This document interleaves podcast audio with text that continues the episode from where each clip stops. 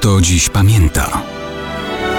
Datownik historyczny prezentuje Maciej Korkuć.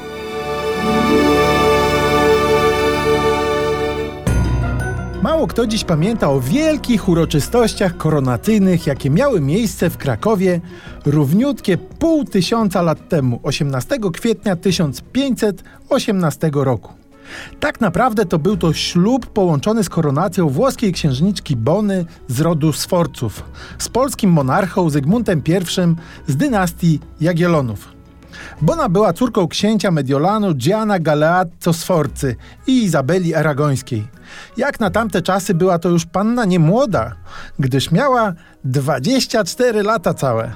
Ale Zygmunt to król wdowiec, dwukrotnie starszy, który ukończył już wtedy 51 rok życia.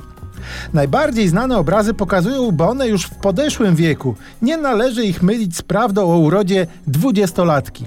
Faktem jest, że kiedy finalizowano kontrakt małżeński, Zygmunt, zwany później Starym, miał do dyspozycji jedynie mały obrazek przyszłej małżonki. Kiedy w kwietniu przybyła uroczyście do nowej ojczyzny, raczej się nie zawiódł. Pierwsze ich spotkanie miało miejsce w podkrakowskim Łobzowie 13 kwietnia 1518 roku. Stamtąd orszak uroczyście wjechał do miasta przy huku armat w otoczeniu całej kawalkady magnatów i panów z różnych stron Europy.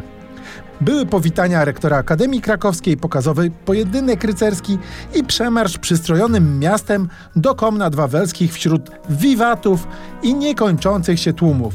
Ślub i koronacja swoim przepychem i ceremoniałem przyćmiewały najsławniejsze tego typu uroczystości. Pełne przepychu, bogactwa i blichtru.